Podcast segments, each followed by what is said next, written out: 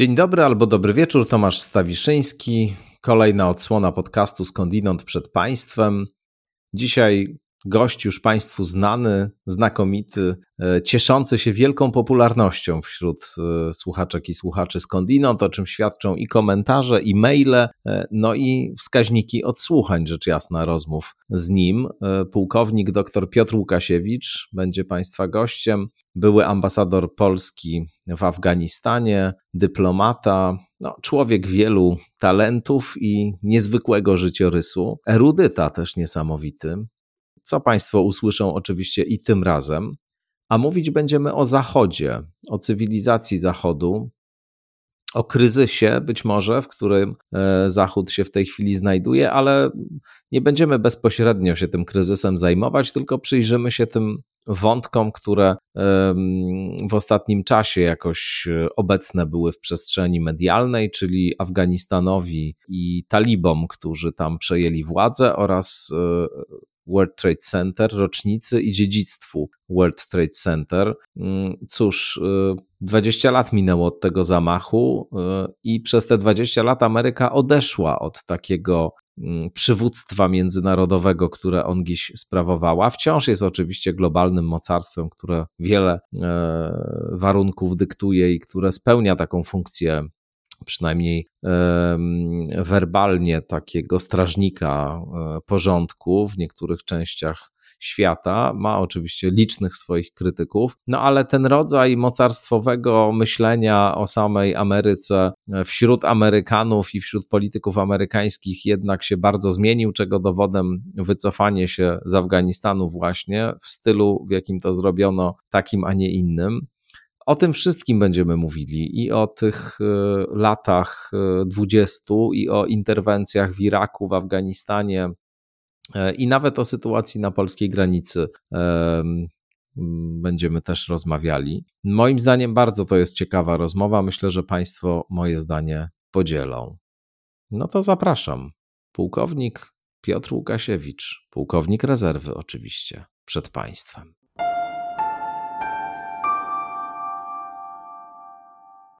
Znany Państwu już dobrze i mający swoich licznych fanów wśród słuchaczek i słuchaczy skądinąd, pułkownik dr Piotr Łukasiewicz. Dzień dobry. Dzień dobry.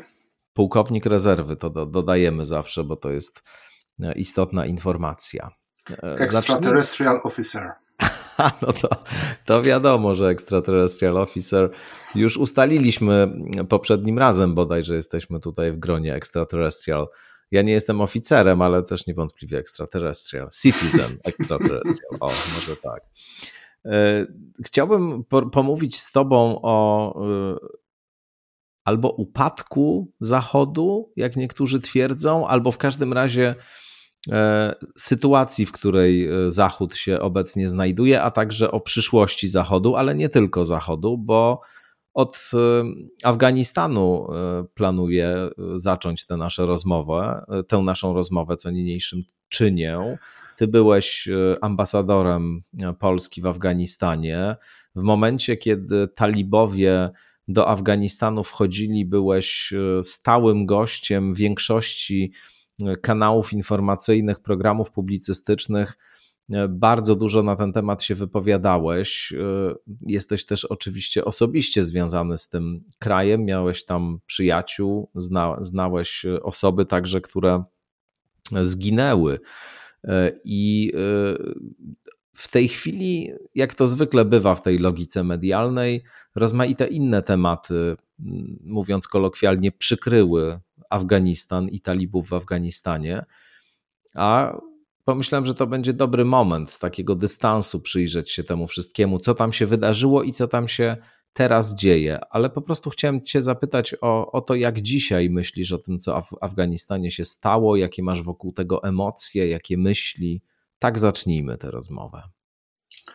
Upadek Zachodu jest być może bardziej tak precyzyjnie można mówić o upadku ducha zachodniego, i jest on chyba nierozerwalnie, ta dyskusja współczesna, związana właśnie z tymi wydarzeniami w, w Afganistanie sprzed dwóch miesięcy, czyli z okolic 14-15 sierpnia, kiedy talibowie wchodzili do Kabulu, zdobywali Kabul e, i które e, no, mnie, powiem szczerze, dopadły jako ostatni raz w Afganistanie byłem w 2014 roku, więc po 6-7 latach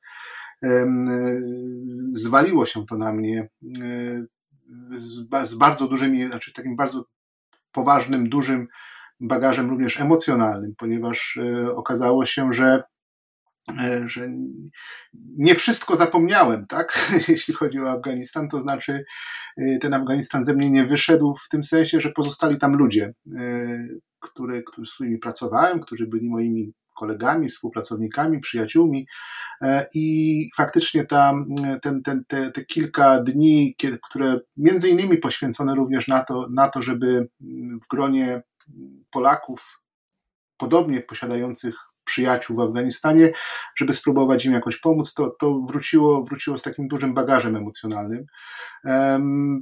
Ta pierwsza część tego, te, te, tego, tego zadania udało się ją spełnić, to znaczy wielu z tych naszych kolegów, współpracowników udało się wywieźć stamtąd.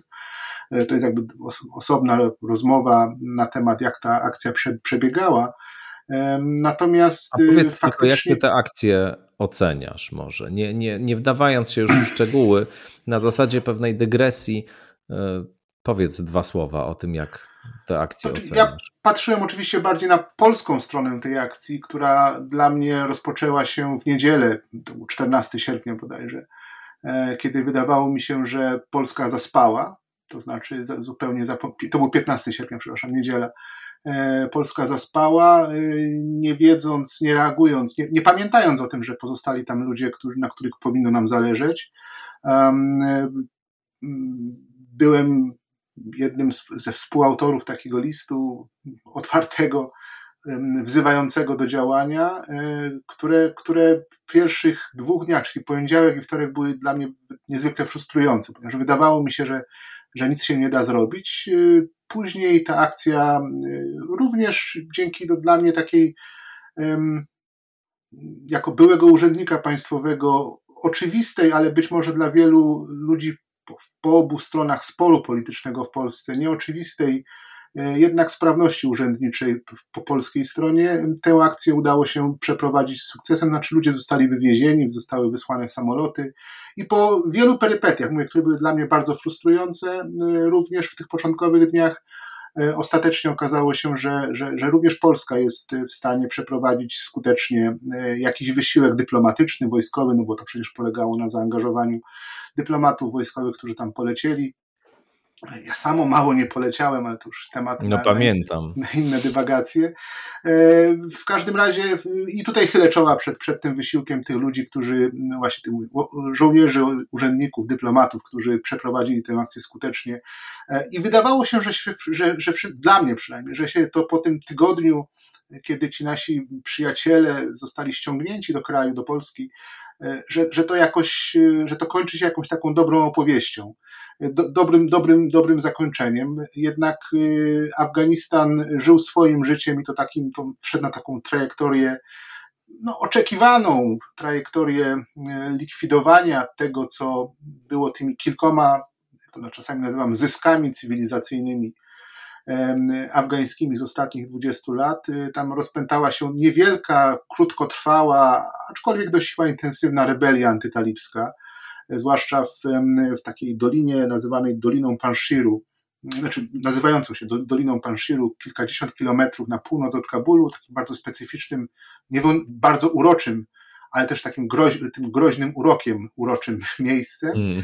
E, gdzie, e, jak się później dowiedziałem, walczył mój, mój no, przyjaciel, przyjaciel, muszę powiedzieć, czy muszę, no, chcę o tym mówić jako, jako o moim przyjacielu, Fahim, Fahim Dashti, afgański dziennikarz, poeta, pisarz, e, przyjaciel, współpracownik Ahmada Shaha Masuda, takiego znanego komendanta charyzmatycznego komendanta Tadżyków, y, tadżyckich ugrupowań z czasów jeszcze okupacji rosyjskiej, później walki z talibami w latach 90. No i ten Fahim, no, dowiedziałem się dosłownie w kilka godzin po tym, że, że w niedzielę wieczorem, że, że, że, że zginął w walce, w walce z talibami. E, I to było dla mnie niezwykle przejmujące, ponieważ y, no, z nim byłem związany bardzo, tak, no, myśmy często, on, gościłem go tutaj w Polsce, um, Wielokrotnie rozmawialiśmy ze sobą w Afganistanie, spotykaliśmy się i to takie były spotkania niedyplomatyczne, w tym sensie, że, że, że ponieważ on właśnie był takim, takim człowiekiem bardzo, bardzo kulturalnym, w tym sensie wykształconym i, i znającym wiele, wiele europejskiej kultury, można tak powiedzieć, w tej takiej klasycznym wydaniu, więc, więc znajdowaliśmy mnóstwo wspólnych, wspólnych tematów i on to to chciałbym uczcić jego pamięć tymi słowami, które kiedyś mi wypowiedział, bo pytałem go e, w 2009 roku, kiedy jeszcze o talibach, znaczy o zdobyciu, o możliwości wygranej talibów w Afganistanie mówiło się, ale to jako była to bardzo odległa perspektywa. Pytałem go Fahima, co byś ty zrobił, gdyby tutaj talibowie weszli do Kabulu, a później zaatakowali Panshir, czyli to, to twoje miejsce. I on tak popatrzył na mnie długo, mówię, to był poeta i powiedział, że słuchaj, jak już nie ma o co walczyć, to trzeba walczyć o, o niebo nad głową. E, I, i to, było takie stra, strasznie, strasznie poetyckie. No i, i Fahim zginął, walcząc o niebo nad głową. Um, Także, także to, to, to, to było mm. tak, ta koda afgańska, dla mnie tej historii afgańskiej była niezwykle, niezwykle, niezwykle przykra. Pamiętam go bardzo dobrze i, i, i czczę jego pamięć. Mam wiele jego zdjęć, również tych z czasów, z czasu młodości, kiedy no, jak patrzyłem na jego film, bo on był takim rzecznikiem tej antytalibskiej rebelii w ostatnich, w ostatnich tygodniach. E, więc wyglądał dokładnie tak samo, jakby, jak, jak wyglądał w latach 90., kiedy walczył razem z Ahmadem Szachem Masudem, taki no, charakterystyczną rodę takiego, takiego zadziornego, troszeczkę też fanatyka. On był fanatykiem. fanatykiem Panshiru, fanatykiem wolności, fanatykiem poezji. E, człowiekiem bardzo radykalnym, jeśli chodzi o przekonania ja nigdy nie śmiałem mu zaproponować, y, bo kontaktowałem się z nim również w czasie tej ewakuacji, nigdy jednak nie, nie, nie odważyłem się mu zaproponować y, pomocy, czy w zgłoszeniu go, żeby go zgłosić na listę wyjeżdżających. E, bo jakby czułem, żeby z tego po prostu zrezygnował, bo mówię, był, był, był fanatykiem Afganistanu. Ale też myślę teraz, że może powinienem to zrobić, może może, może jednak powinienem go zapytać, a może rodzinę trzeba było Fachin wywieźć. I, i to, jest, to jest takie moje no, osobiste doznanie, bardzo, bardzo. Mm, no, żałuję, że niektórych rzeczy hmm. być może nie zrobiłem w ostatnich, w ostatnich y, tygodniach, dniach jego, jego życia. Rozumiem, współczuję ci tej straty. Też myślę, że chyba w takich sytuacjach zawsze człowiek ma wrażenie, że mógł zrobić nie wiadomo co. Nie wiem, czy to jest prawda. No po prostu tak jest, że zawsze się czegoś żałuje. Tak, tak. No więc, więc, więc to, to dla, dla mnie historia Afganistanu, no, ona raz się zakończyła w roku 14, kiedy ostatecznie stamtąd wyjechałem, a drugi raz y, niedawno, kilka, kilka tygodni, kilka miesięcy temu, e, śmiercią, śmiercią Fahima. I, no i, i, i no i to co, co, cóż tu dużo mówić. Hmm. To, jest, to jest y, dla mnie wielka strata. Afganistan y, nie przestanie, to już tak bardziej może starając się o jakiś obiektywizm, nie przestanie być sprawą ważną dla świata, ze względu przede wszystkim na, na, swoje i znaczenie symboliczne i tych, tej, tej dwudziestoletniej wojny i wielu wyrzutów sumienia, bo mówiliśmy trochę o wyrzutach sumienia indywidualnych, osobistych, ale myślę, że e, częścią tego upadku ducha Zachodu jest też wyrzut sumienia w sprawach afgańskich, które, które, które Zachód, Ameryka odczuwa właśnie w, współcześnie. E, ale również ze względu na swoje takie położenie geograficzne, to jest wciąż, Afganistan zwany był w XIX wieku przez e, brytyjskich kolonia, kolonizatorów e, kokpitem Azji, to znaczy takim miejscem, gdzie kokpit rozumiany nie jako kabina samolotu, ale jako miejsce walki kogutów. To tak naprawdę, mm. to tak naprawdę znaczyło to w oryginalnym znaczeniu to, to, to słowo, to znaczy miejsce, gdzie się krzyżowały w zasadzie wszystkie interesy azjatyckie, Azji Centralnej, ale tak szerzej rozumianego kontynentu również. Afganistan jest bardzo blisko Europy, znaczy to jest oczywiście 5,5 tysiąca kilometrów, ale jednak wiele tych oddziaływań takich nawet nie geograficznych, co jakichś cywilizacyjnych, kulturowych, historycznych, no i jednak pewnej bliskości szlaku komunikacyjnych, na których on leży, on powoduje, że to jest jednak mimo wszystko inne miejsce niż e, podobnie doświadczone historią państwa, kraje jak Sudan, Somalia czy te państwa afrykańskie, które przecież są w równie, jeśli nawet nie gorszej sytuacji cywilizacyjnej, e, mówimy o takich tak zwanych państwach upadłych, wrażliwych, pogrążonych w kryzysach, to jednak Afganistan odróżnia się tym, że posiada, jak powiedziałem, istotną historię wspólną z Europą, z Zachodem, e, no i też jest e, w sposób istotny bliżej e, pod różnymi względami politycznym, takim właśnie handlowym, geograficznym również, ale, ale przede wszystkim takim, takim symbolicznym Zachodowi. I no, chociażby to, co obserwujemy przecież, no, doświadczamy najmocniej w Polsce tego współcześnie, czyli, czyli obserwacja uchodźców na, i traktow- tego, jak polskie państwo reaguje na uchodźców, e, na znajdujących się na granicy, gdzie zdaje się jest kilku Afgańczyków. Nie jestem pewien, jaki jest, jaki jest w tej chwili skład tej grupy, która e, koczującej, zmieniającej się przecież na, na, e, po, po obu stronach granicy polsko-białoruskiej. Tam również są Afgańczycy, z pewnością tak się jest, jestem, jestem o tym przekonany. To również będzie częścią jakby to, podtrzy, znaczy to, to będzie podtrzymywało nasze, to znaczenie Afganistanu dla, dla Zachodu również.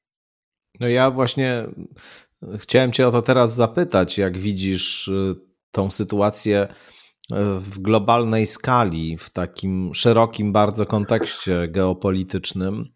Na ile y, to, co się wydarzyło w Afganistanie, oczywiście w sprzęgnięciu z rozmaitymi innymi procesami, które w tej chwili w świecie globalnej polityki mają miejsce, no może być takim, nie wiem, początkiem jakiegoś zupełnie nowego rozdziału, może jakoś gruntownie przeorientować pola wpływu. E, jakie to będzie miało, innymi słowy, dalekosiężne konsekwencje, Twoim zdaniem? No, my, gdzie byśmy nie zajrzeli w związku z Afganistanem, czy w politykę wojskową, czy w politykę taką, no, politykę polityczną, w sensie w relacje międzynarodowe, e, tam te efekty no nawet nie tyle wycofania, co tych 20 lat, e, jakie Zachód spędził przecież z określonych powodów, e, jakimi były zamachy e, z 11 września i cała ta tak zwana globalna wojna z terrorem rozpętana przez Amerykanów w imię obrony bezpieczeństwa swojego i, swoich, i ich sojuszników zachodnich, więc skutki tego będziemy, znaczy to nie tylko rozmowa o tym, jak się Zachód wycofywał, w jaki sposób wycofywał się z Afganistanu, e, ale też tego, jak doszło do, do, do niespodziewanej e, przecież klęski, e, bo, bo to była klęska i to mówią jednoznacznie generałowie, dyplomaci, eksperci, że to była po prostu klęska Ameryki. To są słowa generała Mileja, szefa połączonych sztabów, niedawno, który niedawno w kongresie opisywał to, co stało się w tych, w tych, dniach, w tych dniach sierpniowych. No, przede wszystkim Zachód traci, stracił, tak, 20 lat spędzone w Afganistanie były nie tylko projektem wojskowym, były również projektem cywilizacyjnym. Były pewnego rodzaju wyrazem e, wyrazem, i teraz może zaciekawię Ciebie i, i, słuchaczy, wyrazem tego, jak ważna stała się Polska po 1990 roku, jakie znaczenie miało tak? to. Tak. Hmm. Zaraz, to, zaraz to postaram się uzasadnić. Otóż, otóż y, częścią tej wielkiej dumy Zachodu w ostatnich dekadach było to, że y, najpierw po II wojnie światowej udało się demokrację wprowadzić w Niemczech i Japonii drogą interwencji zbrojnej, drogą wielkiej wojny, na, na gruzach tej wojny w Niemczech i w Japonii. Y, amerykańska obecność, mówimy o zachodnich Niemczech na początku, a później również o, o wschodnich, ale w Niemczech i Japonii po 1945 roku udało się zbudować demokrację, zbudować systemy demokratyczne, no właśnie dzięki obecności y, dzięki, dzięki obecności Amerykanów i dzięki przekonaniu, że takim jeszcze kantowskim wręcz, że y, narody demokratyczne, narody oparte na, na, na przejrzystych regułach demokracji nie prowadzą ze sobą wojen. To znaczy, że ta wojna będąca docelowym stanem, czy też najbardziej skrajnym stanem relacji międzynarodowych, nie wydarza się, jeśli zbudujemy y, demokratycznie funkcjonujące państwa. Y, I to był eksperyment, który się Amerykanom niewątpliwie udał wiemy dobrze, że Japonia i Niemcy swój sukces ekonomiczny przede wszystkim, ale również taki cywilizacyjny oparły właśnie na, tej, na, tej, na, na przegranej wojnie i na wygranej wojnie Amerykanów. Kolejnym takim przykładem tego, co wprawiało Zachód w dumę i, wpra- i spowodowało, że Amerykanie mogli myśleć o tym, że ten model wciąż działa, była właśnie Polska po 90 roku. Polska, Węgry, y, Czechosłowacja, później Czechy i Słowacja.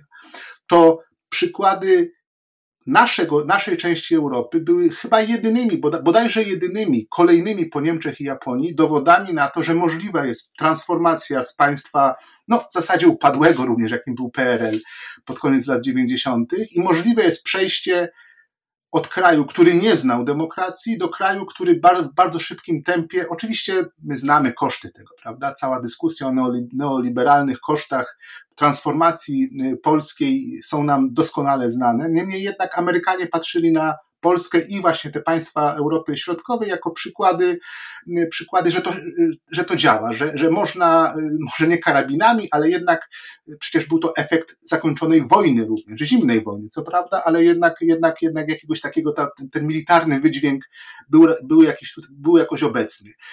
I lata 90. to jest właśnie to przekonanie, no, koniec historii Fukuyamy, ta teza o tym, że demokracja jest docelowym systemem, również przecież oparty był na przykładzie Europy, w dużej mierze zmian w Europie, w Europie Środkowej, przekonania, że da się to zrobić. Y,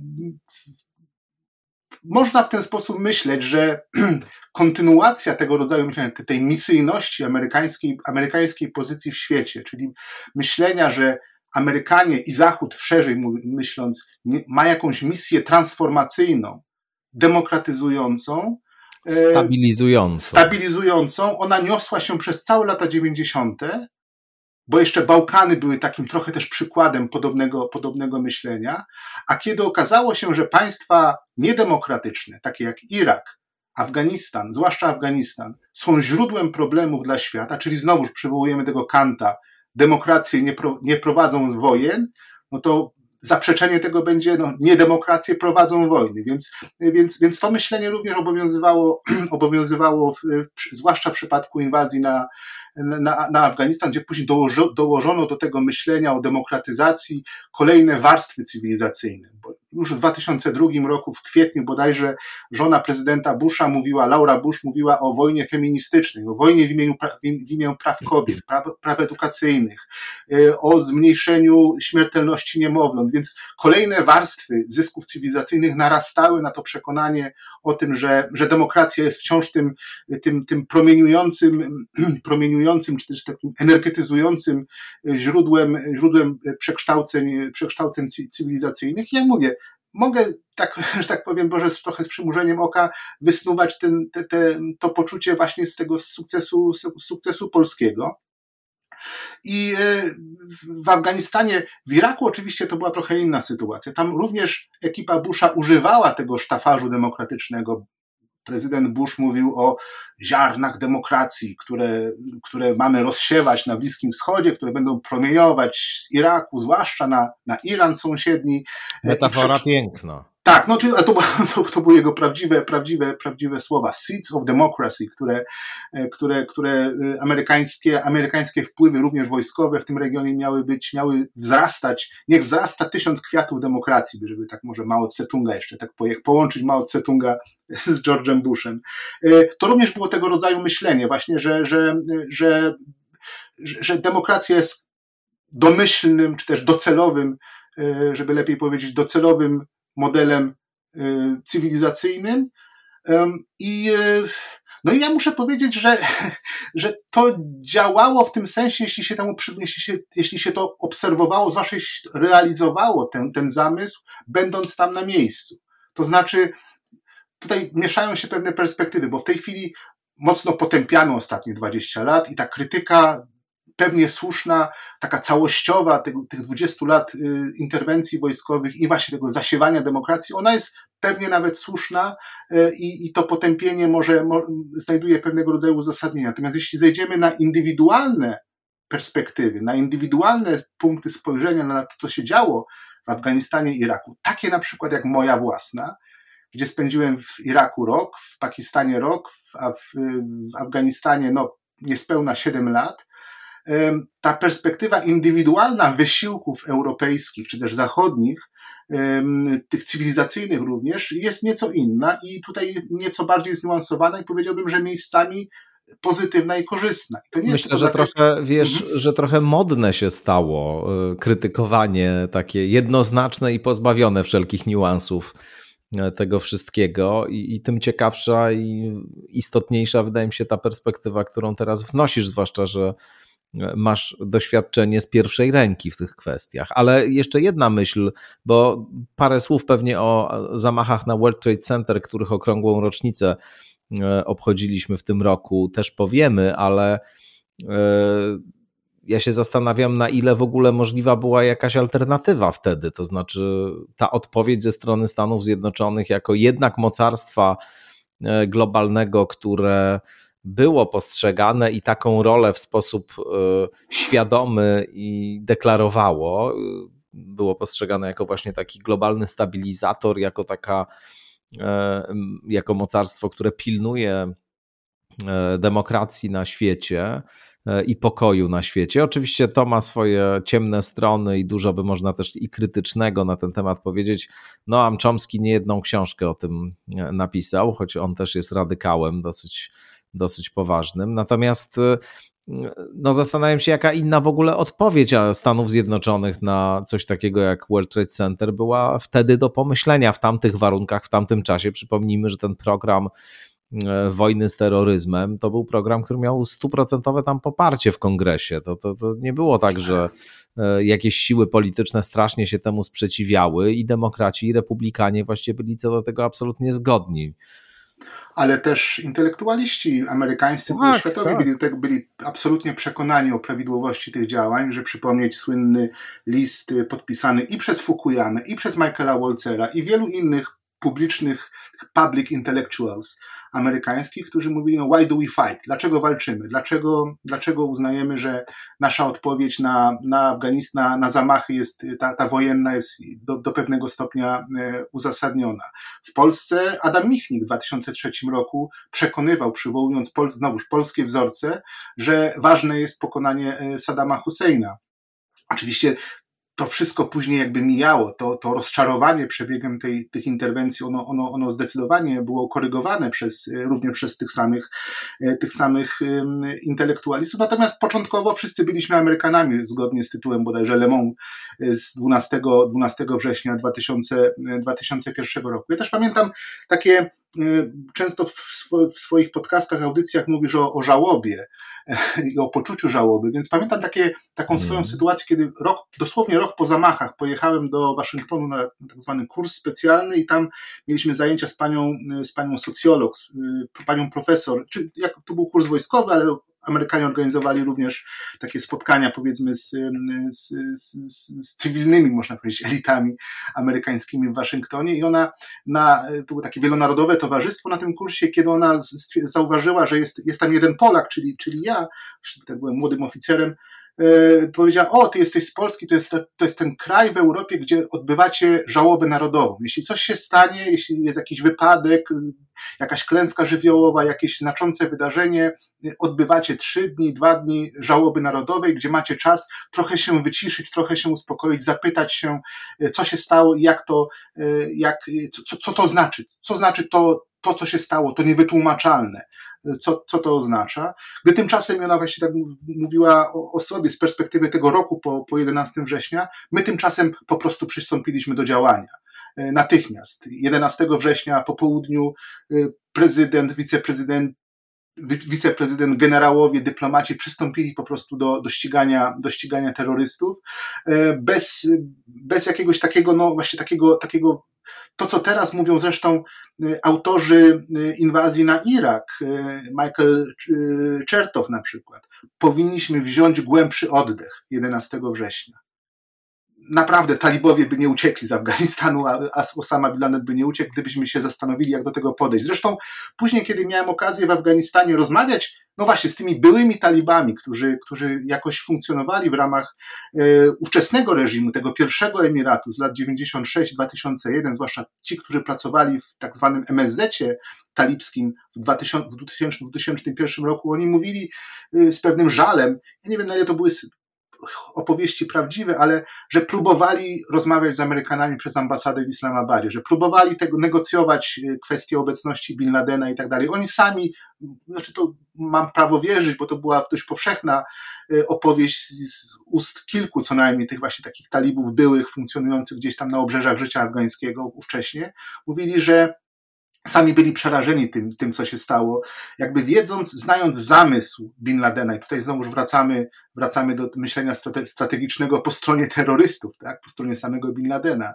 że jego zamysłem było wciągnięcie Ameryki, y, tej, ściągnięcie tej nieuchronnej odpowiedzi e, amerykańskiej, ściągnięcia Ameryki do Afganistanu, gdzie spodziewał się, że e, doświadczenie innych mocarstw w Afganistanie było niekorzystne, więc i Amerykanie się e, przejadą, krótko mówiąc, tak, tak kolokwialnie, na Afganistanie. Więc, więc ta, mm, to, to, ta chęć, absolutna chęć prędkiego działania, rzeczywiście, rzeczywiście tym takim bardziej może takim oglądzie amerykańskim, teraz po tych 20 latach zwłaszcza, e, ona, ona jest dominującą częścią oceny tego, co, co, co, co Amerykanie robili przez ostatnie, przez te, przez, te, przez te lata i czym Afganistan, ale również do Irak, czym był w, w tym, w tym w tej dyskusji wielkiej o, o roli Zachodu, o roli Ameryki e, w świecie.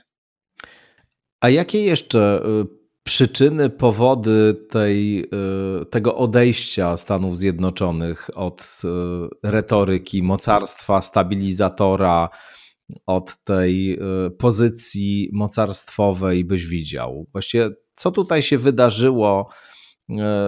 Rzecz jasna, klęska w jakimś sensie tej operacji w Iraku mogła tutaj mieć coś do rzeczy i w ogóle liczne zmiany na, w polu politycznym e, w ciągu ostatnich e, dwóch dekad. Ale, ale jakie są główne przyczyny, Twoim zdaniem, co takiego się stało, że, że ten, ta pozycja się tak zmieniła?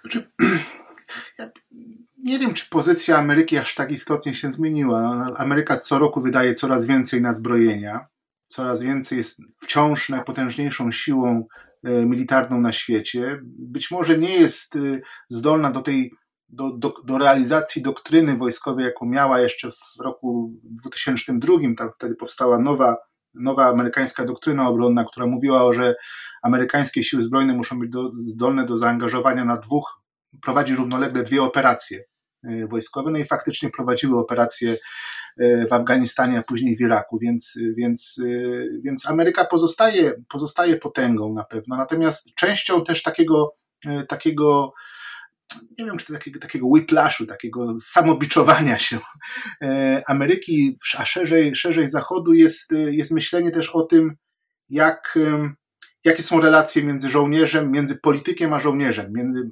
roli wojska w społeczeństwie, o tym, jak, o tym, jak eksperci wojskowi, czyli generałowie, czyli ludzie związani z polityką zagraniczną, analitycy polityki zagranicznej, która bardzo się mocno zmilitaryzowała e, w ostatnich, e, w ostatnich dwóch dekadach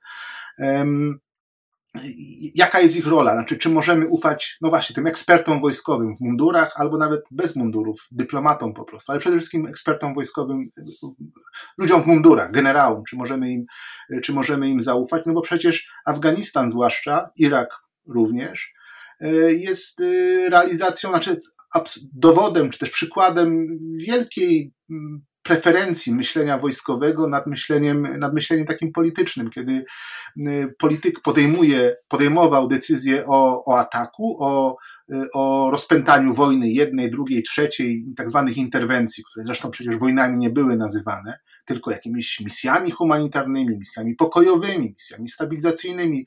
Była cała ekwilibrystyka zmierzająca do przykrycia tego, tego faktu pozostawania w konflikcie zbrojnym z jakimś państwem, gdzie no właśnie generałowie od momentu, kiedy polityk podejmował decyzję, generałowie nawet jeśli wcześniej ostrzegali, mówi, panie prezydencie, i to mówimy o generałach amerykańskich, są przecież na to, na to świadectwa, panie prezydencie, nie wchodźmy do Afganistanu, bo jest to kraj trudny i tak dalej, nie mamy środków, nie mamy zdolności, to będzie bardzo trudna operacja.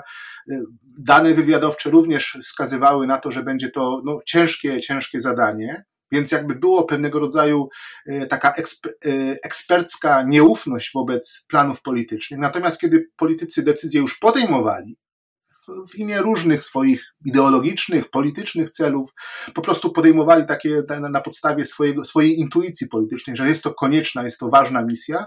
Generałowie, czytaj również eksperci w mundurach, przystępowali w pełni, w stu procentach do realizacji tych, tych, tych decyzji i niejako przejmowali tak naprawdę ciężar odpowiedzialności, zdejmowali go z polityków. Proszę zwrócić uwagę, że wojny współczesne nie każą, ich, ich przebieg, ich efekt, ich zwycięstwa albo klęski specjalnie nie każą polityków. To znaczy, politycy, zwłaszcza w państwach demokratycznych, jeśli odchodzą, jeśli są karani za, za swoje działania, to nie dlatego, że przegrali wojnę, nie dlatego, że, że wojnę nieudolnie prowadzili na przykład. Od, ciężar prowadzenia wojny głównie spadł na wojskowych wysyłanych sił interwencyjnych, a przede wszystkim na społeczeństwa, w ramach których te wojny się rozgrywały, to znaczy na, na społeczności irackie, afgańskie, syryjskie, libijskie itd., tak itd. Tak to one ponosiły największe, największe koszty y, wojen. Tony Blair, George Bush, kolejni prezydenci, Leszek Miller, Aleksandrek Kwaśniewski, wszyscy w zasadzie politycy, którzy by jakoś przyczynili się do, e, do, do wysłania żołnierzy w tego, w tego rodzaju misje, nie ponieśli z tego tytułu żadnych, żadnych konsekwencji, już nie mówiąc o konsekwencjach prawnych, ale, ale nawet politycznych. A jakie powinni ponieść, Twoim zdaniem? No, ja odwołuję się do przykładów raczej historycznych, kiedy, kiedy jakiś cesarz, król, generał przegrywał wojnę w, w historii, to no, tracił swoją pozycję, jeśli, jeśli, jeśli, jeśli nie głowę. Natomiast y, w państwach demokratycznych, y, w tej, w tej sytuacji współczesnego świata, no właśnie, politycy mogą przegrać wybory, ale z innych powodów niż, niż, y, niż nie są potępiani po prostu. Jeśli spojrzymy na losy George'a Busha juniora, który przecież był chyba jednym z najbardziej znienawidzonych prezydentów amerykańskich, no w Europie to już w ogóle był skrajnie niepopularny, ale również w Ameryce odchodził w niesławie, kończył swoją, e, kończył swoją drugą kadencję i, i wszyscy czekali na Mesjasza Obamę w 2008 roku. Proszę zobaczyć, że e, kilka lat później e, stał się takim przykładem dobrotliwego starszego pana, tego tradycyjnego konserwatysty, który wręcza cukiereczki Michelle Obamie. I wszyscy uważają, że to jest bardzo, bardzo słodki obrazek i, i e, no i właśnie, i, i funkcjonuje, zwłaszcza na tle Donalda Trumpa, George Bush i jego rodzina, w ogóle rodzina Bushów funkcjonuje jako starzy, dobrzy konserwatyści amerykańscy, starzy, dobrzy republikanie. Więc, więc te, mówię, te koszty, koszty tych wojen ponoszone są głównie przez, e, przez społeczeństwa, w których, wśród których wojny się rozgrywają. Częściowo tylko ponoszone są przez żołnierzy wysyłanych w ramach kontyngentu, no przecież oni są ranni, wracają, e, bywają ranni, bywają zabijani, bywają, wracają z, z ranami psychicznymi i fizycznymi, e, ale no właśnie, ale politycy, politycy nie ponoszą odpowiedzialności. Natomiast właśnie, to, to, to od czego zacząłem, to, to, to, to, to przemówienie o, o kosztach, o, o, sposobie prowadzenia wojen, to duża część odpowiedzialności spada również na samych generałów. Znaczy oni, na, na, na ludzi, którzy się tą wojną zajmują, do, do tego stopnia, że wręcz tak to obserwowałem w Afganistanie chociażby. Jeśli trzeba było wchodzić w jakąś interakcję z, z miejscowymi elitami e, politycznymi, z prezydentem Karzajem, z prezydentem Ganim, z ministrami afgańskimi, przecież bardzo sprytnymi, szczwanymi politykami, którzy realizowali bezwzględnie swój interes polityczny, to nie jechał tam ambasador, który nawet amerykański, ale raczej liczyło się najmocniej zdanie generała, dowódcy misji, dowódcy jakiegoś kontyngentu, który załatwiał określone sprawy i był wysyłany niejako przez, przez dyplomatów, przez tych właśnie polityków cywilnych do realizacji jakiegoś zadania, zadania, no właśnie, dyplomatycznego, z którym generałowie radzili sobie średnio i w tej roli zresztą czuli się niezbyt, niezbyt, niezbyt, niezbyt, niezbyt komfortowo. A też przedstawiali swoim zwierzchnikom politycznym, prezydentom, premierom, taką bardzo doraźną ocenę, aktualną ocenę, e, ocenę postępów misji w Afganistanie, w Iraku, te słynne PowerPointy, tabele pokazujące, że tylu wyszkoliliśmy żołnierzy, tylu zabiliśmy talibów, tyle dziewczynek poszło do szkoły i to, to, to była prawda. Taka, powiedzmy, kwantyfikacja wojny, to znaczy pokazywanie e, miesięcznych postępów, rocznych postępów nawet, one były prawdziwe. To nie były fałszywe dane z, pola walki. One były prawdziwe. Rzeczywiście wyszkoliliśmy 100 tysięcy żołnierzy afgańskich, 8 tysięcy dziewczynek poszło do szkoły i tak dalej. To wszystko była prawda. Natomiast było to przedstawiane w sposób cykliczny, jako podsumowanie jakiejś tak zwanej zmiany wojskowej, czyli 6-12 miesięcy obecności danego generała i jego kontyngentu na polu walki, e, mówiącego, no panie, panie ministrze, panie premierze, w ciągu 6 miesięcy naszej obecności w prowincji Gazni, mówię o Polakach, e, wyszkoliliśmy tylu żołnierzy afgańskich i tyle projektów zrealizowaliśmy pomocowych, zbudowaliśmy tyle studni, szkół, etc., etc. To wszystko była prawda, tyle, że nie składała się ona na, na ten taki polityczny, strategiczny wymiar spodziewanego zwycięstwa na dłuższy niż 6 miesięcy, niż 12 miesięcy oglądu e, sytuacji, która należała do, do, do polityków. A politycy tego unikali, bo, no, bo, no, bo, no bo było to dla nich niekomfortowe. E, to, ta wojna się tak sprofesjonalizowała i tak uwojskowiła, co brzmi może trochę paradoksalnie, że, że nie, niespecjalnie dbali o jej, o jej przebieg i, i była dla nich o tyle problemem, jeśli rzeczywiście na przykład za dużo trumien wracało wojskowych. No to to było już ten, ten medialny wymiar E, wojen oczywiście już doskonale jest, doskonale jest znany. I to jest jakby też znaczy ta, ten, jednym z takich części, jeśli mówimy o jakimś kacu Zachodu, to jest to też to, to przemyślenie, jakim, albo efekt, jakim powinien Zachód podlegać, to przemyślenie roli wojska i tej interakcji wojskowo-politycznej, E, między wojskowymi a politykami, między wojskowymi a społeczeństwem, ogól, bardziej ogólnie mówiąc, e, jakie, jakie w wyniku tych, tych misji e, powstało i jakie lekcje powinniśmy z tego wyciągać.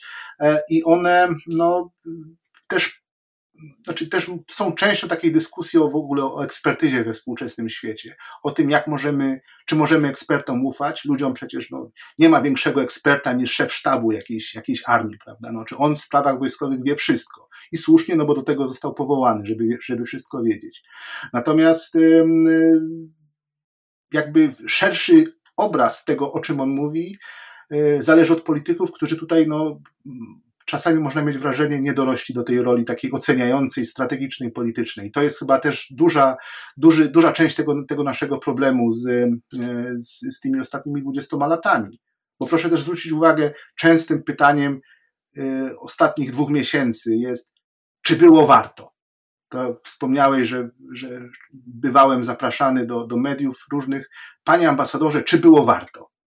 Siedzieć tam 20 lat, tak? bo to, to jest to, to, to domyślane pytanie. Czy było warto się męczyć? Czy było warto wydać y, tryliony już dolarów, bo, czy tam biliony dolarów i stracić y, ponad 7 tysięcy żołnierzy, y, wziąć udział w zniszczeniu kilkuset tysięcy żyć ludzkich w Iraku i w Afganistanie? Czy to było warto? No, tak postawione pytanie, które jest przecież wielkim, no, również staramy się na nie odpowiedzieć w tej audycji również, E, jest, e, jest trudnym, no bo właśnie, bo, bo, bo ja mam na przykład perspektywę bardzo indywidualną. Dla mnie było warto.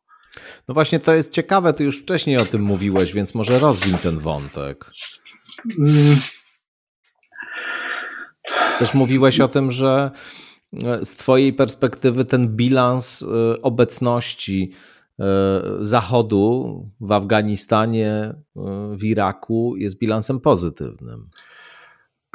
no, tutaj bardzo łatwo będzie mi zarzucić, jak może być coś pozytywne, skoro właśnie straciłem przyjaciela e, kilka tygodni, miesięcy temu i... a, a, no ale tutaj wiesz, no tutaj tak, sporo, tak, tak. sporo ma do rzeczy to, w jaki sposób to zostało przeprowadzone, tak. całe, to, całe to wyjście, prawda? Jeśli mówimy o Afganistanie, to tych Afganistanów jest wiele tak naprawdę tych, tych wycinkowych, znaczy tutaj właśnie bardzo ważna jest ta perspektywa e, ta lokalna, pewnego oglądu wycinka rzeczywistości, a nie brania jej e, całej w nawias i pokazywania, że wszystko się, wszystko się e, nie udało, albo coś tam się udało, ale, ale się w końcu nie udało. Afgańczycy o których często mówi się, och, jaki to kraj plemienny, jaki to kraj tradycyjny, jaki to kraj konserwatywny, że, że taki, śmaki, owaki, że nie nadaje się do budowania demokracji. Nadaje, I, i te, te, wszystkie takie wyższościowe dyskursy, które są obecne również w tym podsumowaniu Afganistanu, że no nie udało się demokracji wprowadzić w Afganistanie, bo to jest kraj konserwatywny, muzułmański, gdzie się nienawidzi kobiet i tak dalej, i tak dalej. Owszem, jest to kraj plemienny, ale kraj plemienny na wsi, y, gdzie mieszka 70% ludności afgańskiej, gdzie rzeczywiście rola kobiet y, zupełnie się nie zmieniła przez ostatnie 20 lat, pomimo najdzikszych pomysłów na zmianę tej roli, jaką Zachód prezentował y, przez ostatnie, przez ostatnie 20 lat. Jeśli spojrzy się na 30% żyjących w wielkich miastach, no to już jest odpowiedź powinna być nieco, mogłaby być nieco bardziej satysfakcjonująca. Jeśli teraz obserwujemy ze zgrozą kobiety protestujące, dzielne, bohaterskie kobiety protestujące przeciwko opresji talibskiej na ulicach Kabulu, Heratu, e, innych miast afgańskich, no to właśnie jest to, co się udało. To, co ja osobiście obserwowałem, mówię, tej, z tej wycinkowej perspektywy, jako człowiek starający się nie tylko reprezentować Polskę w Afganistanie, bo przecież byłem i atasze wojskowym reprezentującym MON i ambasadorem reprezentującym całe państwo, ale również jako człowiek, który starał się no, Afganistan reprezentować przeciwko rebelii, która się toczyła y, w tym, w tym, w tym, w tym kraju przez, przez, te, przez, przez te lata. I to się, to się udało. Udało się y, pomóc wielu ludziom zbudować biznesy, zbudować normalne życie, zbudować, stworzyć edukację, oczywiście koślawą. Oczywiście administracja, która była tworzona, była skorumpowana i koślawa. Ale to ludzie oczekujący sukcesu w ciągu, no właśnie, jednej zmiany kontyngentu, musieli się oczywiście gorzko, musieliby się gorzko rozczarowywać. Natomiast pewien progres był tam, był tam obecny i, ta, i, i ten, i no znowuż przywołam tego Fahima, który, z którym tak często rozmawiałem, jeden z najciekawszych rozmów o, o, o literaturze europejskiej czy, czy kulturze europejskiej, to właśnie z nim odbywałem. Znaczy, to, to był człowiek wykształcony daleko lepiej niż wielu, wielu Europejczyków, y, którzy tam, którzy tam przy, przy, przybywali. I on rozumiał demokrację doskonale. Politycy afga afgańscy doskonale rozumieli de demokrację, jej, zasady jej działania. Pamiętam taką scenę, kiedy w 2009 roku doszło do tak zwanego kryzysu konstytucyjnego w Afganistanie nie takiego ciężkiego jak nasz kryzys konstytucyjny w Polsce, ale podobnej natury. E, prezydent Karzaj przedłużył sobie władzę o, o kilka miesięcy z powodów e, takich, można powiedzieć, obiektywnych. I e, opozycja afgańska bardzo mocno protestowała przeciwko temu, pokazując, że no w konstytucji jest przecież zapisane, że prezydent kończy, kończy swoją kadencję 30 kwietnia określonego, określonego roku, a był już tam, nie wiem, 5 sierpnia. I siedzimy w, w ogrodzie jednego z polityków y, afgańskich i siedzą, przed, znaczy siedzą ambasadorowie, siedzą dyplomaci zachodni y, w jednej części ogrodu, a wokół nich w takim półksiężycu są ustawione krzesła, na których siedzi cała elita afgańska, te dziady brodate w turbanach, w tych, w tych mm. znaczy symbole absolutnie całej całej, całej takiej y, egzotyki afgańskiej, y, naprawdę wyjątkowy, wyjątkowy, wyjątkowy widok i wszyscy się wachlują konstytucjami afgańskimi.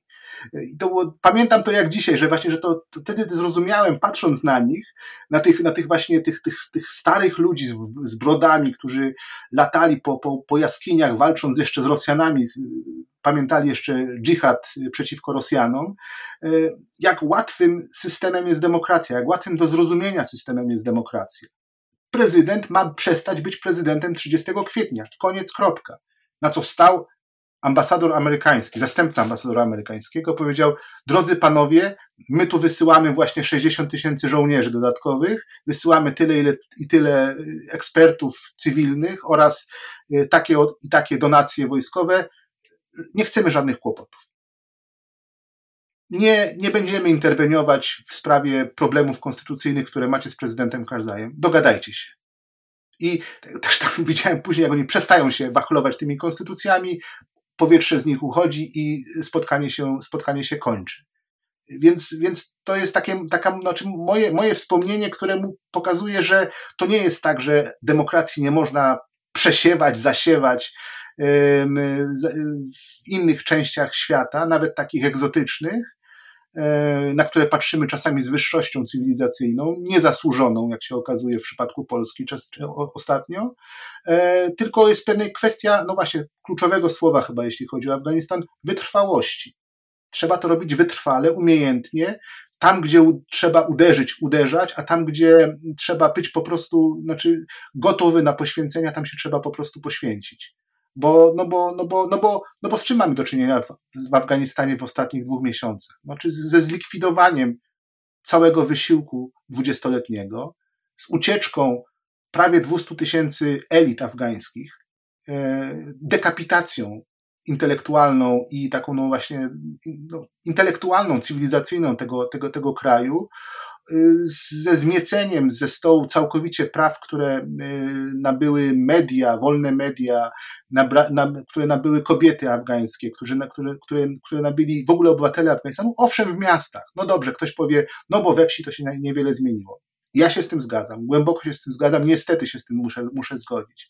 Ale były też te wycinki sukcesu, które, no, które zostały po prostu zmiecione w tej chwili y, ze stołu i y, i, I też ten nasz, y, ten nasz wyrzut, i nawet to, że rozmawiamy w tej chwili tak długo o, o, o skutkach Afganistanu, y, no jest świadectwem tego, że, że, że nie do końca jest ta sprawa zakończona.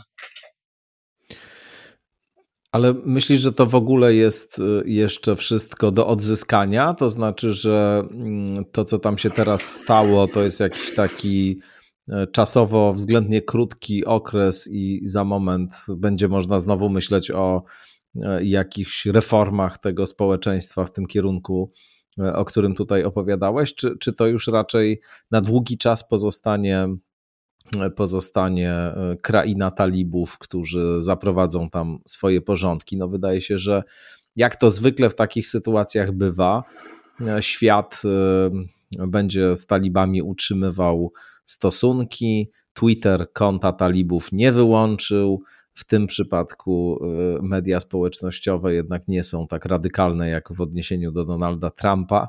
Mówię to trochę ironicznie, ale, ale coś w tym jest, w tej niesymetryczności reakcji. Mm. No właśnie, jak to właśnie, jak to traktować, to co tam się wydarzyło? Na ile to będzie rzeczywiście coś, co, co na długi czas tam zagości, Twoim zdaniem? Właśnie przed naszą rozmową wpadł mi w ręce, ujrzałem tweet Janisa Warufakisa e, z 15 sierpnia 2015 roku, kiedy talibowie wkraczali do Kabulu. On napisał coś takiego mniej więcej, że oto kończy się neokońsko-liberalna interwencja, no tylko, że zostały tam te kobiety jeszcze i powiedział, trzymajcie się siostry.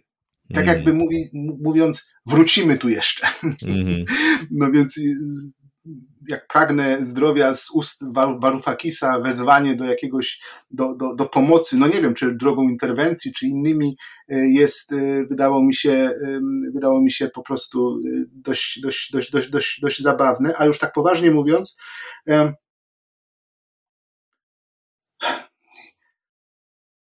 czy Zachód ma obowiązki wobec świata?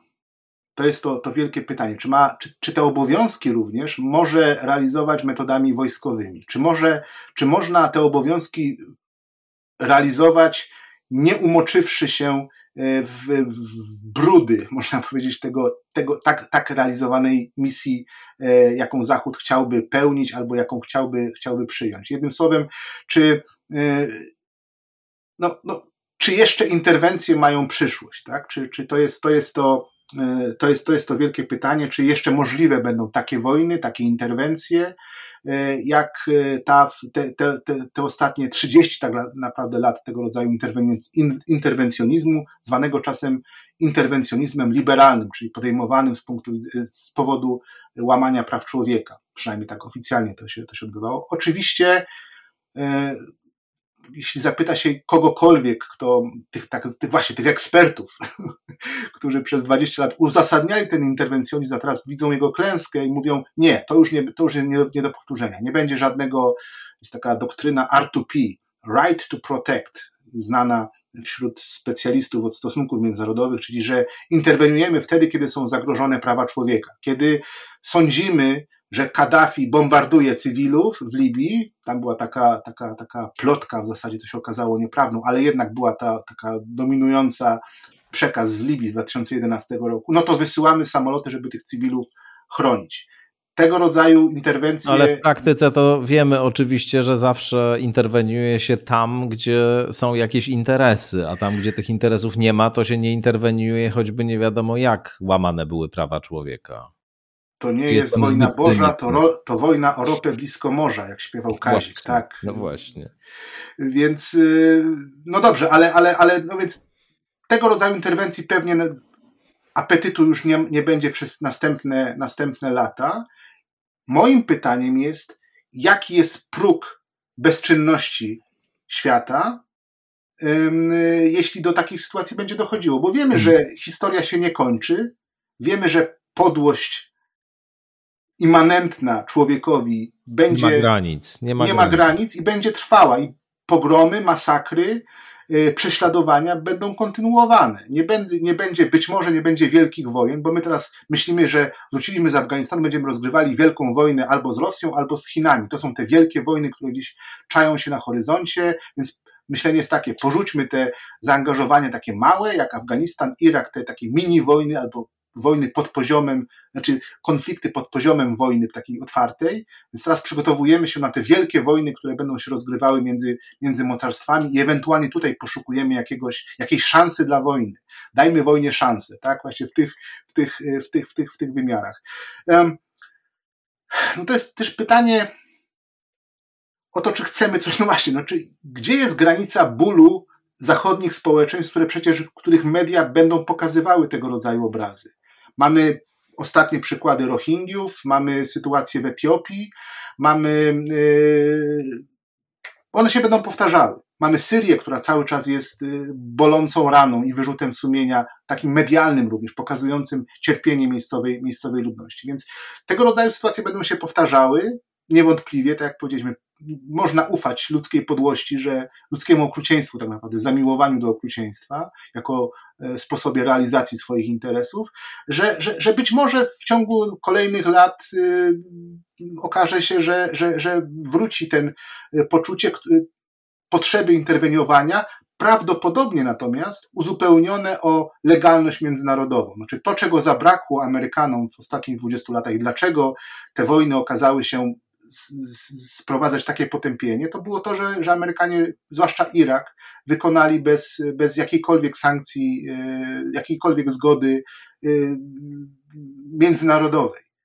Co prawda, no, George Bush, pytany o to, kto jest, kto, kto go popiera, E, mówił o jakiejś tam Gwinei, Palau i Don't Forget Poland. Polska też mnie popiera w ataku na, w ataku na Irak w 2003 roku, no ale powiedzmy to są jakieś anegdotki. Natomiast e, e, zdecydowanie interwencje, no, ale... jeśli się odbędą, to będą musiały mieć jakąś, nie wiem, szansę, sankcje na pewno zreformowanego ONZ-u, bo ONZ domaga się, krzyczy o reformę swojego systemu politycznego zwłaszcza. Mhm.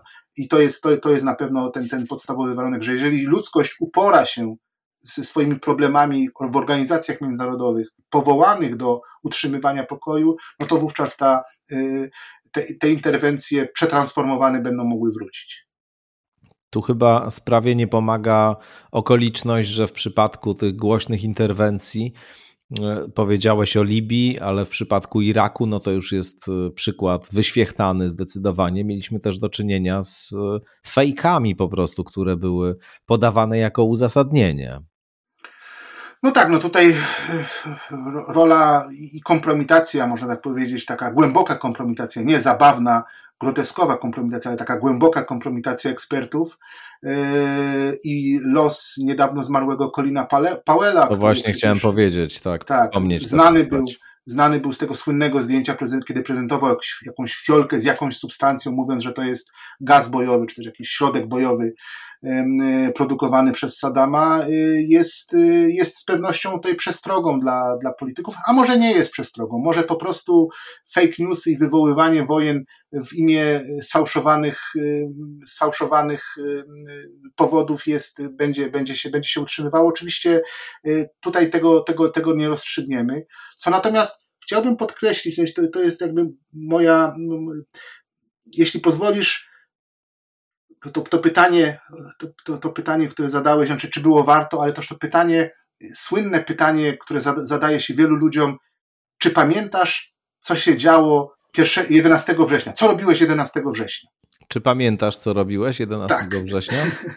11 września i bardzo często to przykuło moją uwagę, ponieważ zdaje się, to ty również pytałeś swoich wcześniejszych gości e, przy okazji 20. rocznicy tego, tych, tych zamachów w roku bieżącym. Ono bardzo często padało. Czy pamiętasz, co się działo? Co, gdzie byłeś 11 września rano mm. 2001 roku? I wiele odpowiedzi jest takich statycznych, bezradnych. Siedziałem przed telewizorem, wpatrywałem się przerażony, w, w, w, jak kiedy kolejne samoloty uderzały, uderzały w wieżowce albo, albo w ziemię.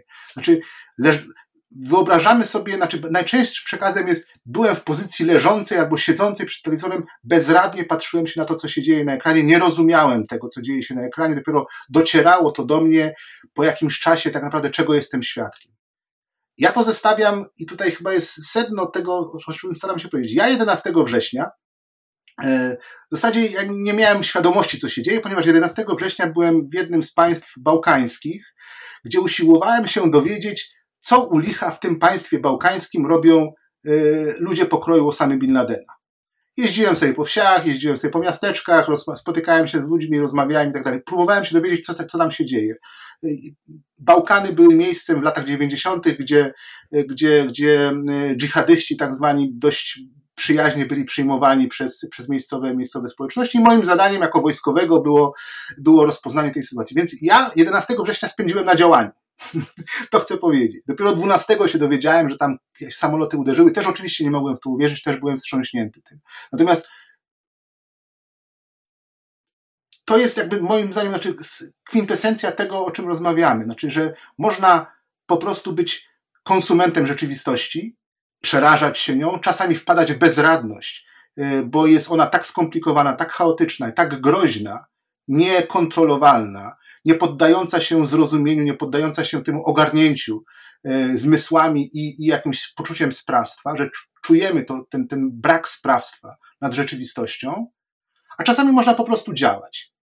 Można po prostu działać i nawet jeśli to działanie w szerszych perspektywach, w tych oglądach dwudziestoletnich jest e, no, błędne, idące w różne kierunki, niewłaściwe, jakimiś błędnymi ścieżkami, ale jednak tego konkretnego dnia ja coś robiłem. I wielu mhm. ludzi podobnych do mnie coś robiło, żeby, y, żeby zwalczyć to, co uznawaliśmy wtedy za jakieś zło, za, jakieś, za jakiś przejaw tego chaosu. W tym małym wycinku rzeczywistości, za którą byłem odpowiedzialny.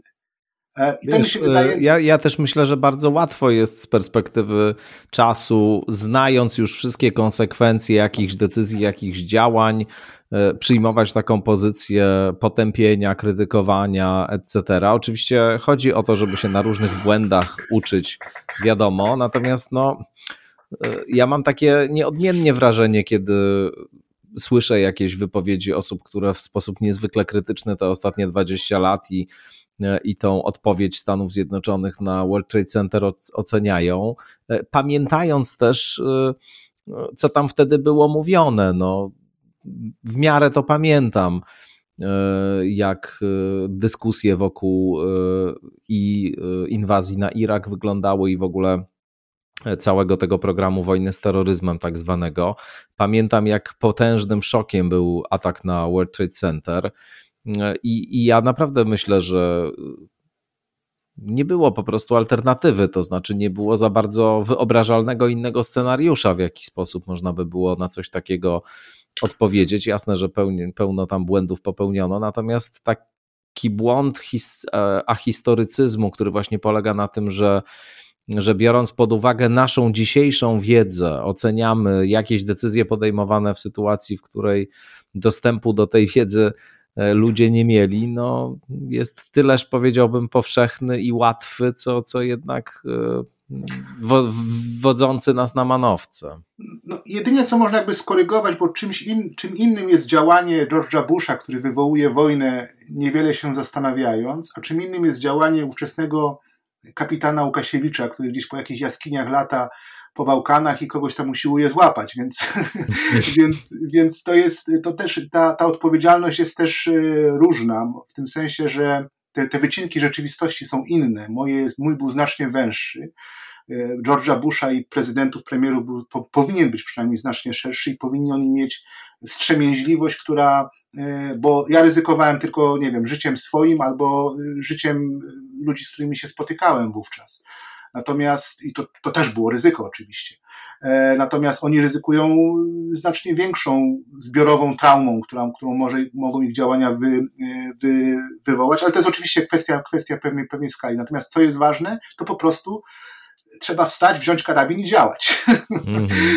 I, i, i, I nie poddawać się, znaczy i starać się Y, stworzyć, znaczy poprawiać coś, co jest, co jest ci dostępne do, do poprawienia.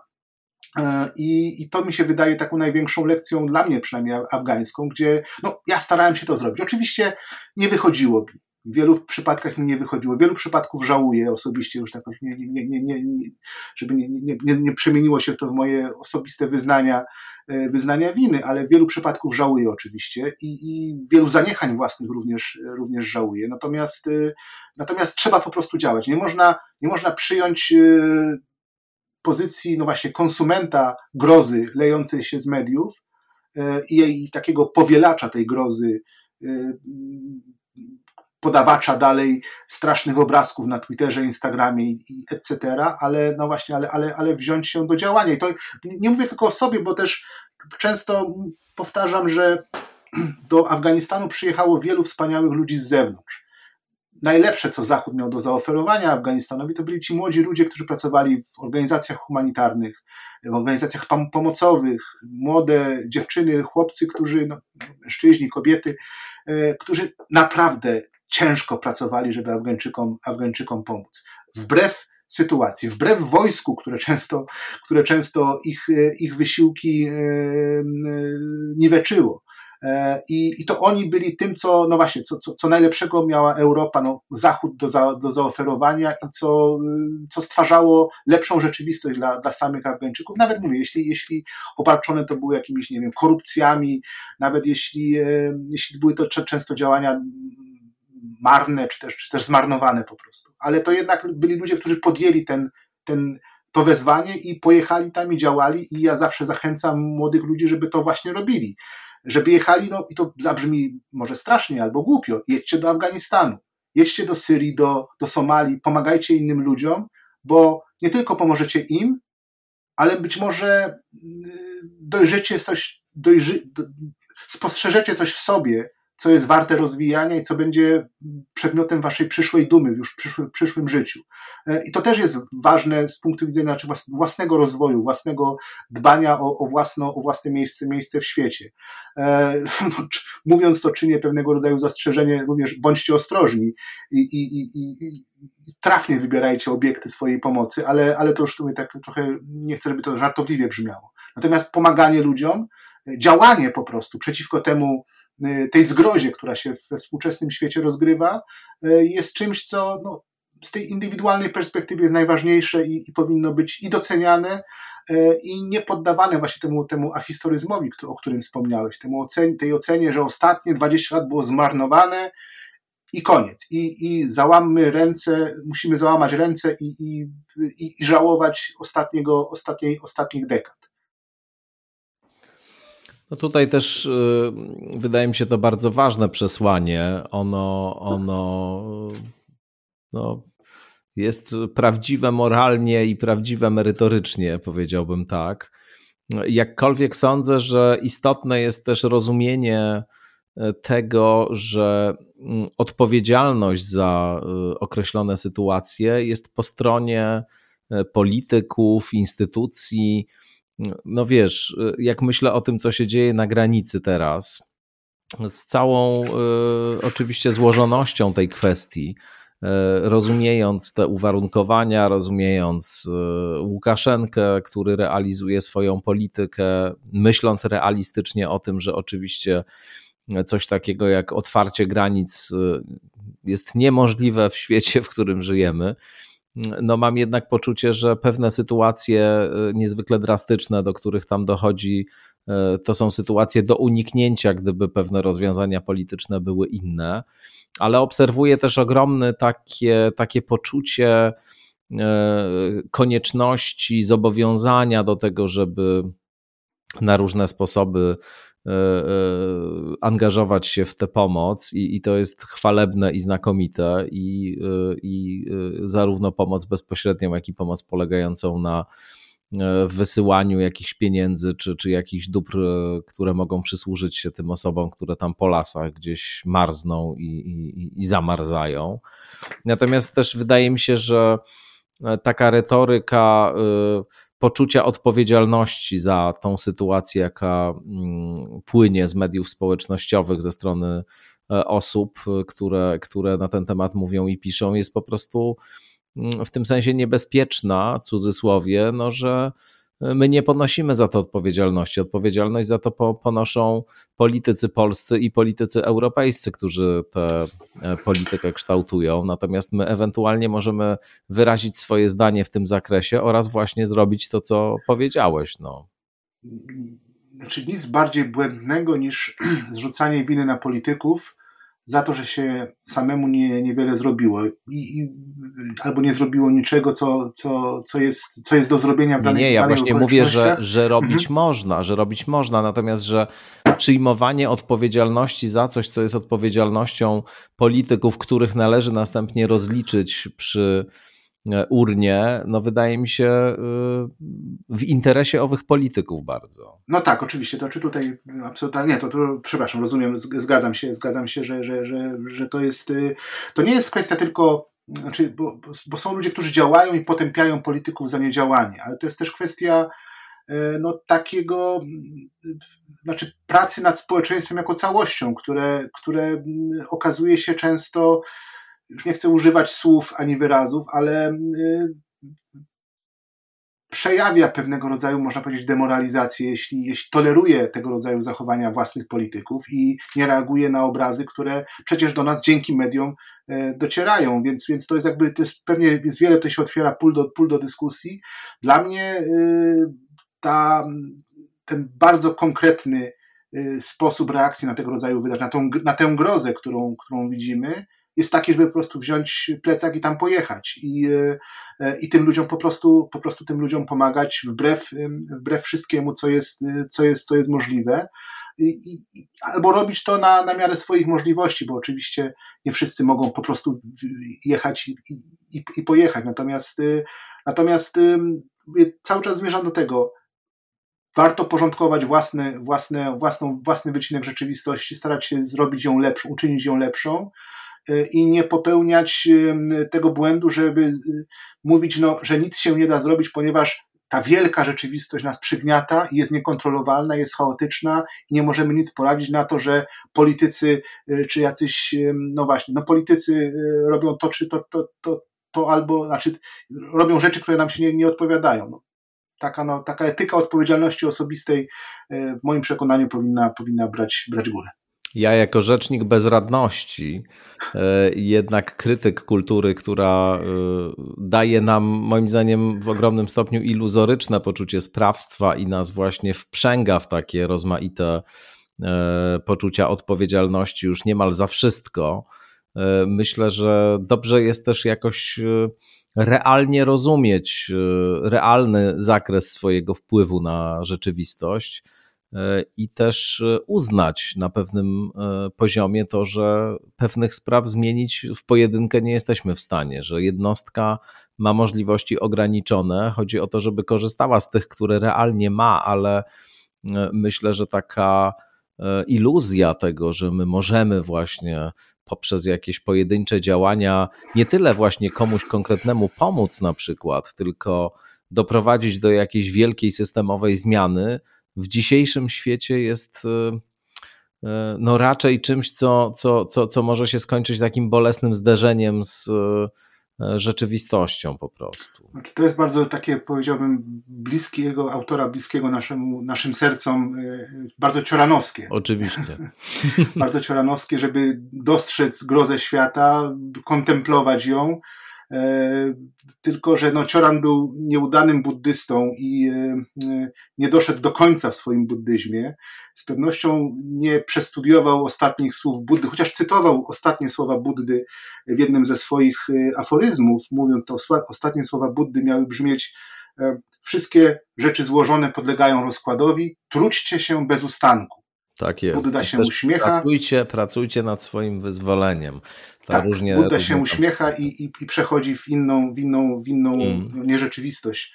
Ale y, znaczy to jest właśnie znaczy to, to, to trudzenie się, ta druga część, y, która ma się przeciwstawić rozpadowi rzeczy z pierwszej części słów Buddy, ostatnich słów Buddy, jest, y, no może być jakimś, jakimś lekarstwem, to, to trudzenie się, to działanie może być jakimś, no przynajmniej próbą, y, próbą radzenia sobie z tą, no niewątpliwie grozą świata, które, której doświadczamy, niezrozumieniem i po prostu konstatacją, że istnieje okrucieństwo ludzkie, działanie ludzkie, które jest działaniem okrutnym człowieka wobec człowieka, z którym czasami nie możemy sobie po prostu poradzić, na, na, na które nie mamy przeciwstawienia, którym, któremu nie możemy w, w jakikolwiek sposób zaradzić, i to jest składowa naszej rzeczywistości.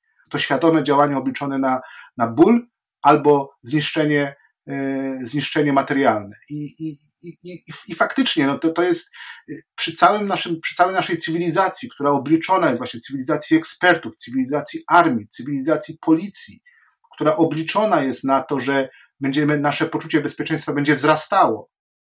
No bo tym właśnie była wojna w Afganistanie. Zresztą mówili o tym ministrowie i premierzy, również polscy. Mówili, w Afganistanie walczymy o to, żeby polski obywatel był bezpieczny, żeby terroryści nie zaatakowali nas. To była właśnie ta, ta wojna eksportowana na społeczeństwo, do społeczeństwa afgańskiego. Tam wykuwa się bezpieczeństwo, bezpieczeństwo Warszawy, Sosnowca, Chełma i, Gda, i, i Gdańska. Pod, pod, pod, górami Hindukuszy, że już tak poetycko to, to określa. Ale takie były słowa, ja, ja to słyszałem z ust naszych polityków na przykład, którzy mówili też o, o poligonach afgańskich, w jakich y, polska armia miała ćwiczyć, żeby lepiej przygotować się do, do zabezpieczenia naszych, y, naszych interesów, bezpieczeństwa tutaj, tutaj w kraju. Więc oczywiście my żyjemy w sytuacji, kiedy spodziewamy się, że te armie, y, przecież bardzo bogate, że ci żołnierze doskonale wyposażeni, zaopatrzeni, opłaceni, że będą nas zabezpieczali, że będą to robili również inni eksperci, którzy w różnych uniformach, lekarze, yy, naukowcy, że będą nas zabezpieczali, nas, nasze, naszą, chronili naszą, powiedzmy, tą, tą, nas przed tą grozą istnienia, i kiedy nam się, im się to nie udaje, a Afganistan, Irak jest najlepszym przykładem, że im się to po prostu nie udaje, z różnych względów, wtedy no nasze, nasza, niepewność, nasza, nasza niepewność się no, powiększa. No i, i, i co tu dużo mówić? No i, i wychodzimy, y, i ja również wychodzę z tych kilkunastu lat swojego, swojego zaangażowania w, w sprawy afgańskie no, z poczuciem, y, no, no, nawet jak zaczęliśmy od tego, pewnej klęski osobistej. E, natomiast, y, natomiast też z poczuciem, że to nie, to nie tak było wtedy. Wtedy, kiedy byłem tam y, jako żołnierz, jako dyplomata, jako w różnych, w różnych y, formułach, że nie myślałem o tym, że za parę lat będę żałował spędzonych tutaj, spędzonych tutaj chwil. No i do tego wracam, starając się trzymać jak pijany ściany, do tego, do tego poczucia pewnej lokalności wydarzeń i lokalności jest... również czasowej wydarzeń. Myślę, że to jest dobra puenta tej naszej rozmowy. Bardzo serdecznie Ci dziękuję za kolejną wizytę w Skądinąd i z góry zapraszam na następną. dziękuję. Bardzo dziękuję. Pułkownik rezerwy dr Piotr Łukasiewicz był Państwa gościem. Do usłyszenia. No i zachęcam do tego, żeby Państwo słuchali i tych już minionych, jeśli jeszcze ich Państwo nie słyszeli, i tych przyszłych odcinków skądinąd. Do usłyszenia. Dziękuję, do usłyszenia.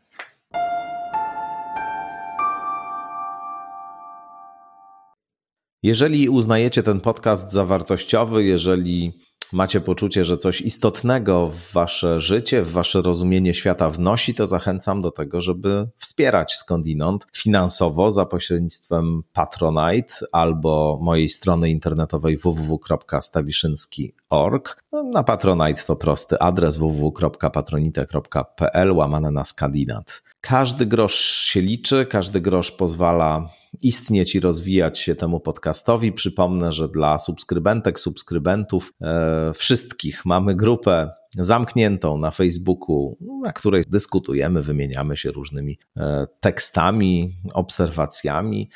A dla osób, które wspierają ten podcast kwotą 20 zł miesięcznie i wyżej, mamy również specjalny newsletter, który wysyłam co tydzień po każdym odcinku w środy i który zawiera rozmaite rekomendacje dotyczące tego, co jeszcze warto przeczytać, z czym może warto się zapoznać, jakie książki warto mieć. To wszystko oczywiście w kontekście czy wokół tematu, który w danym odcinku jest. Wszystkim patronkom, patronom, subskrybentkom, subskrybentom bardzo, bardzo serdecznie dziękuję za każde wsparcie. Dzięki dla pani Iwony Górskiej-Kotca, która jest absolutną rekordzistką, jeśli chodzi o wspieranie podcastu Skądinąd i życzę Państwu oczywiście wszystkiego najlepszego. No i jeszcze raz do usłyszenia.